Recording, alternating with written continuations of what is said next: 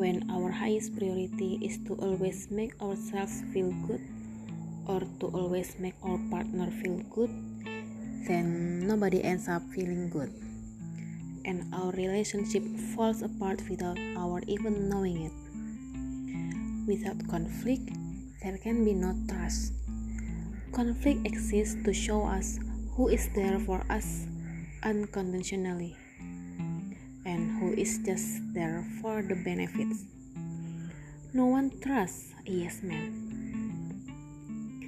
For a relationship to be healthy, both people must be willing and able to both say no and hear no without the negation. Without that negation, without that occasional rejection, boundaries break down one person's problems and values comes to dominate the others. Conflict is not only normal, then it's absolutely necessary for the maintenance of a healthy relationship.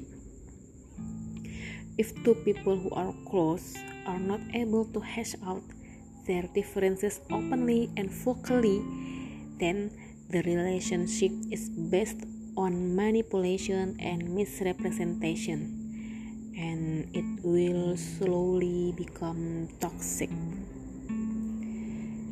Trust is the most important ingredient in any relationship for the simple reason that without trust, the relationship doesn't actually mean anything. A person could tell you that she loves you, wants to be with you, would give up everything for you. But if you don't trust her, you get no benefit from those statements. You don't feel loved until you trust that the love being expressed towards you comes without any special condition or package attached to it. Without trust, the relationship can no longer function.